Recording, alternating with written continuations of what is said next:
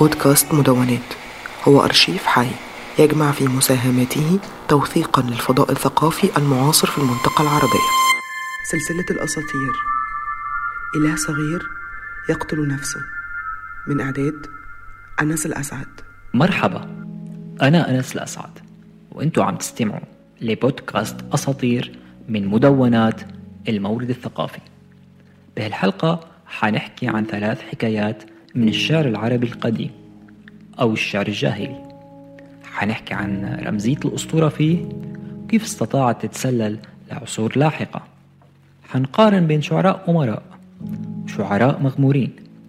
كرمال نحظى بنماذج بتمثل المعاناة الإنسانية بمواجهة الموت.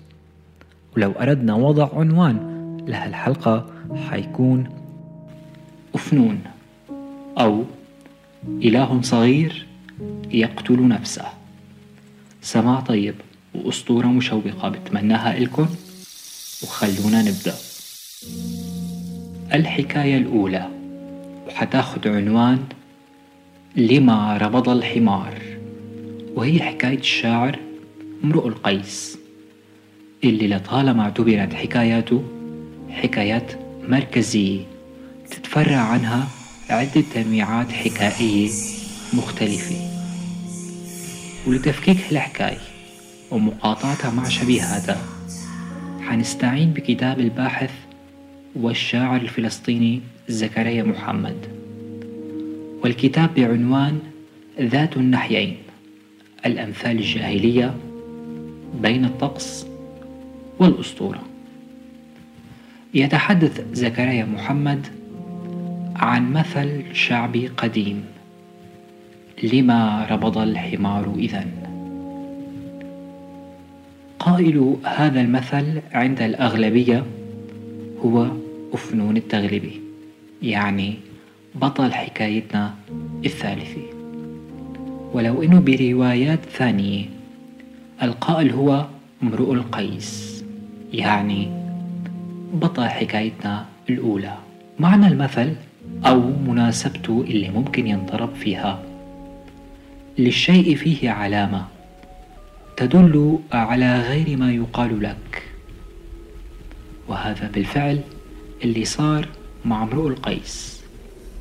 لما ألبسوا قيصر الثياب المسمومة وخرج من عنده فتلقاه حمار وربض أمامه. هنا يتشاءم امرؤ القيس. يقال له لا بأس عليك. فيقول لما ربض الحمار إذا بمعنى أنا ميت. عند نقطة المقارنة اللطيفة هذه بين أعظم وأقدم شاعر بتراثنا مثل امرؤ القيس وبين شاعر مغمور. ما وصلنا منه وعنه سوى أبيات معدودة مثل فنون التغلبي يكتسب الحكي سحرا ميثولوجيا مديدا فمن هو هذا الإله الصغير؟ وللوصل بين الحكايتين حكاية امرؤ القيس وحكاية فنون التغلبي لابد من حكاية ثانية حكاية حنعتبرها صلة وصل. وهي حكاية الشاعر مالك ابن الريب واللي حنسميها أين مكان البعد؟ نبقى مع جو الشعر الكلاسيكي إذا. وموضوعة رثاء النفس اللي بتمثل قبة أسطورية. إن صحت التسمية تظلل بفنية رقيقة صحراء الوجود الإنساني للشاعر القديم أثناء دراستي في الجامعة شكلت موضوعة رثاء النفس حلقة من حلقات الأسف والاتعاظ حسب التقديم المدرسي الجامد. لكن مع تكاثف النصوص وتواترها صرت أرى أنه مجموع النصوص يميل للاتحاد. نصوص ينحل بعضها في بعض في سبيل تعليم خطوط لذاكرة جمعية هائلة. نصوص هي في حقيقة الأمر نص واحد قديم وغير مخلوق. هذا الشيء ينبه إلى بعض منه محقق ديوان مالك ابن الريب الدكتور نوري القيسي. بمقدمته للديوان يتحدث الدكتور نوري القيسي عن اختلاط وقع بين قصيدة عبد ياوث الحارثي المشهور بالأسير وقصيدة مالك ابن الريب وقصيدة أفنون التغلبي وذلك لتشابه هذه القصائد في الوزن والقافية والغرض. وهذا الشيء ربما أوحى لنوع من الشك أو النحل بمعنى تداخل الأبيات ونسبتها بين الشعراء. بداية الرحلة مع رثاء النفس كانت قصيدة الشاعر مالك بن ريب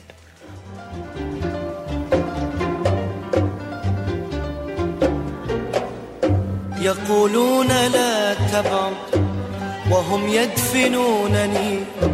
وأين مكان البعد إلا مكاني؟ غداة غد يا لهف نفسي على غد. إذا أدلجوا عني وخلفت ثاويا يقولون لا تبعد وهم يدفنونني. وأين مكان البعد إلا مكاني؟ القصيدة المدرسية في سياقها الوعظي كعادة كل المدارس والجامعات. ولكن وراء القصيدة قصة تحكي عن مالك وهو الشاعر المتصالك اللي قضى شبابه بين اللصوص وقطاع الطرق. وبلحظة من هالمسيرة الجنائية الحافلة والمعتمدة على الفتوة والقوة ومزيج من الشعور بالظلم ووجدان العدل. هناك من يقنعه بتوظيف مهاراته الجهادية في أرض خراسان بينقلب مالك على ماضي وبيكتشف معنى أمثل للحياة بعيدا عن اللصوصية ولكن المستقبل بمعناه البهي والمريح سرعان ما حيتحطم عند أقدام صخرة العدم.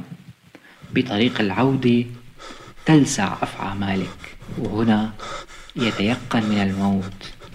قبل الموت بقليل يشرع برثاء نفسه بقصيدة هي مزاج المواجهة بين الموت وخيبة الاشتهاء المنكسر. القصيدة مع الوقت ستنشهر ستنال حظوة عند عدة أطراف اكتملت فيها عناصر المشهد الوعظي القصصي من ناحية وفيها خاتمة مرضية عنها وحسنة السلوك وعفى الله عما مضى. نمطية التناول هذه بالذات هي ما جعلتني أستعين بطه حسين. لعله يجد لي حيلة بمنهجه الشكي مع القصيدة. بالتقدم بالزمن بدأت موضوعة رثاء النفس. تتلازم مع أسماء عاشت في مراحل لاحقة على زمن مالك ابن الريب. وبعد شوط قطعت بالبحث عن أثره عند شعراء أمراء رثوا أنفسهم وهم أصحاب اشتهاءات سلطوية واضحة التحطم مثل الأمير الحلبي أبو فراس الحمداني اللي قتلوا ابن أخته في صراع محموم على السلطة أو الأمير الإشبيلي المعتمد بن عباد اللي مات بمنفاه السياسي بأغمات المغربية. الشخصيتين يمكن وصفهم بأنهم ضحايا طموحات بونابرتية خائبة. نعم يمكن ردهم لرحلة امرؤ القيس. ولكن مع مالك ورومانسيته فقلما يتقاطعان. اجتهدت بمقارنة النصوص الرثائية عند الأسماء الثلاث المذكورة. بقيت أعتبر مالك وقصيدته هما مفتاح الاشتغال على موضوعة رثاء النفس. أقرأ المعتمد مثلا. قبر الغريب سقاك الرائح الغادي. حقا ظفرت بأشلاء ابن عبادي. نعم هو الحق حاباني به قدر. من السماء فوافاني لميعادي. ولم أكن قبل ذاك النعش أعلمه أن الجبال تهادى فوق أعوادي. كفاك فارفق بما استودعت من كرم رواك كل قطوب البرق رعادي. يا أهل أغمات صلاة الغريب في المسجد الجامع على المعتمد بن عباد ولكم من الله عظيم الأجر والثواب. وأقرأ أبو فراس. قولي إذا ناديتني وعييت عن رد الجواب. زين الشباب أبو فراس لم يمتع بالشباب. بحكم الدراسة بقيت أعود إلى مالك بين الحين والآخر. وفي كل مرة نفس المقدمات. في أحسن الأحوال أنتهي بجدارية محمود درويش. دون القبض على فكرة صلبة سوى المقارنات. أعدت كلام المحقق نوري القيسي حول تراتبية أسماء الشعراء وأن الخلط وقع بينهم بسبب تشابه القصائد في الوزن والقافية والغرض. وبالرغم من أن الديوان ديوان مالك إلا أنه ليس المذكور الأول بل الثالث. نعم كنت قد قرأت المقدمة عشرات المرات. ولكني لم أنتبه أني أتعامل مع تلك الأسماء إلا كما يتعامل معلق رياضي. اعتاد التعليق على مباريات الكلاسيكو في الدرجة الأولى وفجأة وجد نفسه يعلق على مباراة لنوادي الأحياء الشعبية. فحضور مالك في رثاء النفس قوي ومهيمن. إذا إنها الفوارق حيث تمر الأسماء فلا تترك أثرا لا على اللسان ولا في الذاكرة. وبين أسماء لها وقعها وفخامتها وينتظرها الجميع.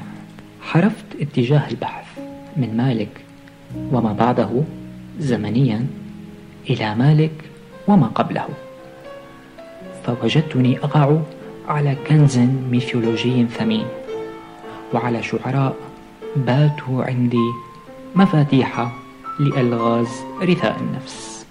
بالرغم من أن الاتجاه صوب العمق الجاهلي في الشعر العربي من أكثر الأمور وعورا وشحا بالمصادر إلا أن هذا العصر يبقى خيمتنا الأسطورية اللذيذة التي نستظل بها وطقسنا الوثني الحميم الذي نشتهيه مستقبلا.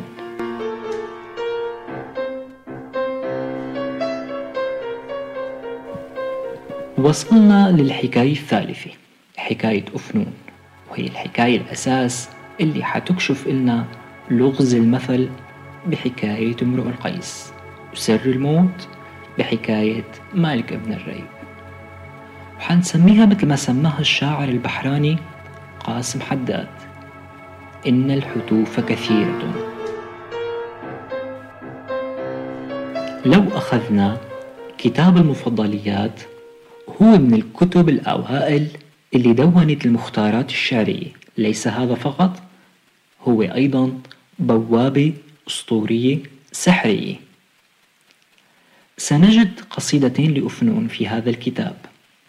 الأولى هي القصيدة المفتاح والأعظم دلالة في موضوعنا رثاء النفس. وهي على صغرى خمسة أبيات فقط. إلا أن دلالتها عظمى.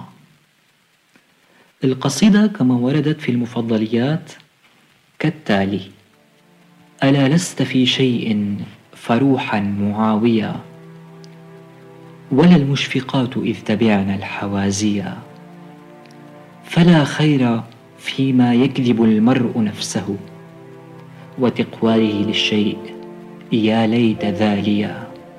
فطأ. معرضا إن الحتوف كثيرة وإنك لا تبقي بمالك باقيا. لعمرك لا يدري امرؤ كيف يتقي إذا هو لم يجعل له الله واقيا.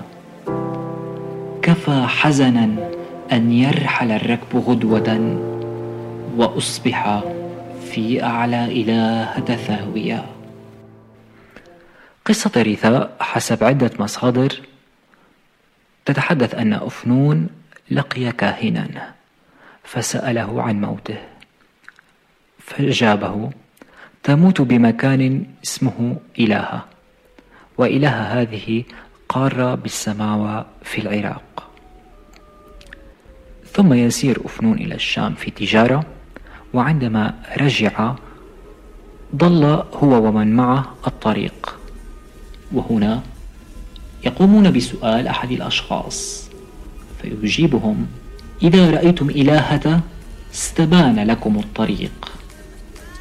فلما وصلوا نزل أصحاب أفنون وقالوا له انزل. فأجابهم لا والله لا أنزل. وبينما ناقته ترعى تلدغها أفعى في فمها. تحتك الأفعى بساقه وتلدغه هو أيضا. وهنا يقول لأخ معه أحفر لي قبرا فإني ميت. ثم يرفع صوته ويقول القصيدة لا تبدو القصيدة معقدة في قراءتها الأولى. يتابع البيت الأول أصداء اليأس واللا جدوى. أما في شطره الثاني يصف لنا حال المشفقات. أي النساء وهؤلاء النساء يتبعن الحوازي الكهان. فلا يغني هؤلاء عنهن شيئا مما يتمنينه. على طريقة كذب المنجمون. ولنقف قليلا مع هذه الكلمة لأنها تدخلنا في الجو الأثير الأرواحي للقصيدة. يفسر الدكتور جواد علي في كتابه المهم المفصل في تاريخ العرب قبل الإسلام كلمة الحازي بأنها لفظة تطلق على من يحزر الأشياء ويقدرها بظنه فهي من الكلمات المستعملة في الكهانة ويطلق على من يشتغل بالنجوم اسم حزاء لأنه ينظر في النجوم وأحكامها. بظنه وتقديره. أما الباحث اليمني محمد عطبوش فقد اقترب في تفسيره للكلمة من خلال شخصية ألفناها. إذ لا يستبعد عطبوش أن يكون جبل حراء جبل حزاء وذلك لمكوث الرسول فيه الليالي الطوال مما أدى لاتهامه أنه ساحر وكاهن.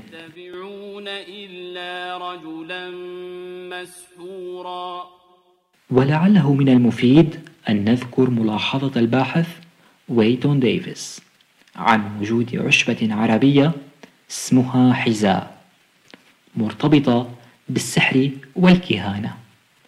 وتذكر كتب التراث أن الحيات تهرب من رائحتها. لا يتردد اسم المكان الذي مات فيه أفنون إلا مع البيت الخامس. وذكر المكان من لازمات وشروط التفجع في رثاء النفس. وذلك للدلالة على حجم الاغتراب المكاني عن الأهل والأحباب. وكما اندفن ابن الريب بموضع اسمه أبر شهر حسب ياقوت الحموي في معجم البلدان وكما قضى المعتمد نحبه في أغمات وكذلك الأسير اليماني المهزوم يبتعد عن ندمائه في نجران والملك الضليل وحلله المسمومة التي ألحدته في أنقرة فإن إلهة هي اللحد الذي سيضم أفنون. بهذه القراءة نكون قد قدمنا أفنون ببعد مسرحي. إنه كائن أفعواني المزاج مدور الهيئة. لا لشيء إنما ليقوى على ابتلاع نفسه. يتقمص بأفعى ابن الريب. ليس عن عبث وليس انتحالا حسب الكلمة الشكية الأثيرة في منهجية العميد طه حسين. لكن الاكتفاء بمذهب الشك والانتحال دون إضافة عنصر أرواحي ميثولوجي سيتركنا أمام هياكل لا روح فيها. ومن هنا الصلة الأثيرية التي نقترحها بين أفنون وابن الريب. في نهاية المطاف من يدري أيضا أي علاقة أثيرية تربط كاهن أفنون الذي بشره بالموت في إلهة. بنبوءة ساحر بشر أميرا أندلسيا بأقوام يطرؤون على الجزيرة ويستحوذون عليها.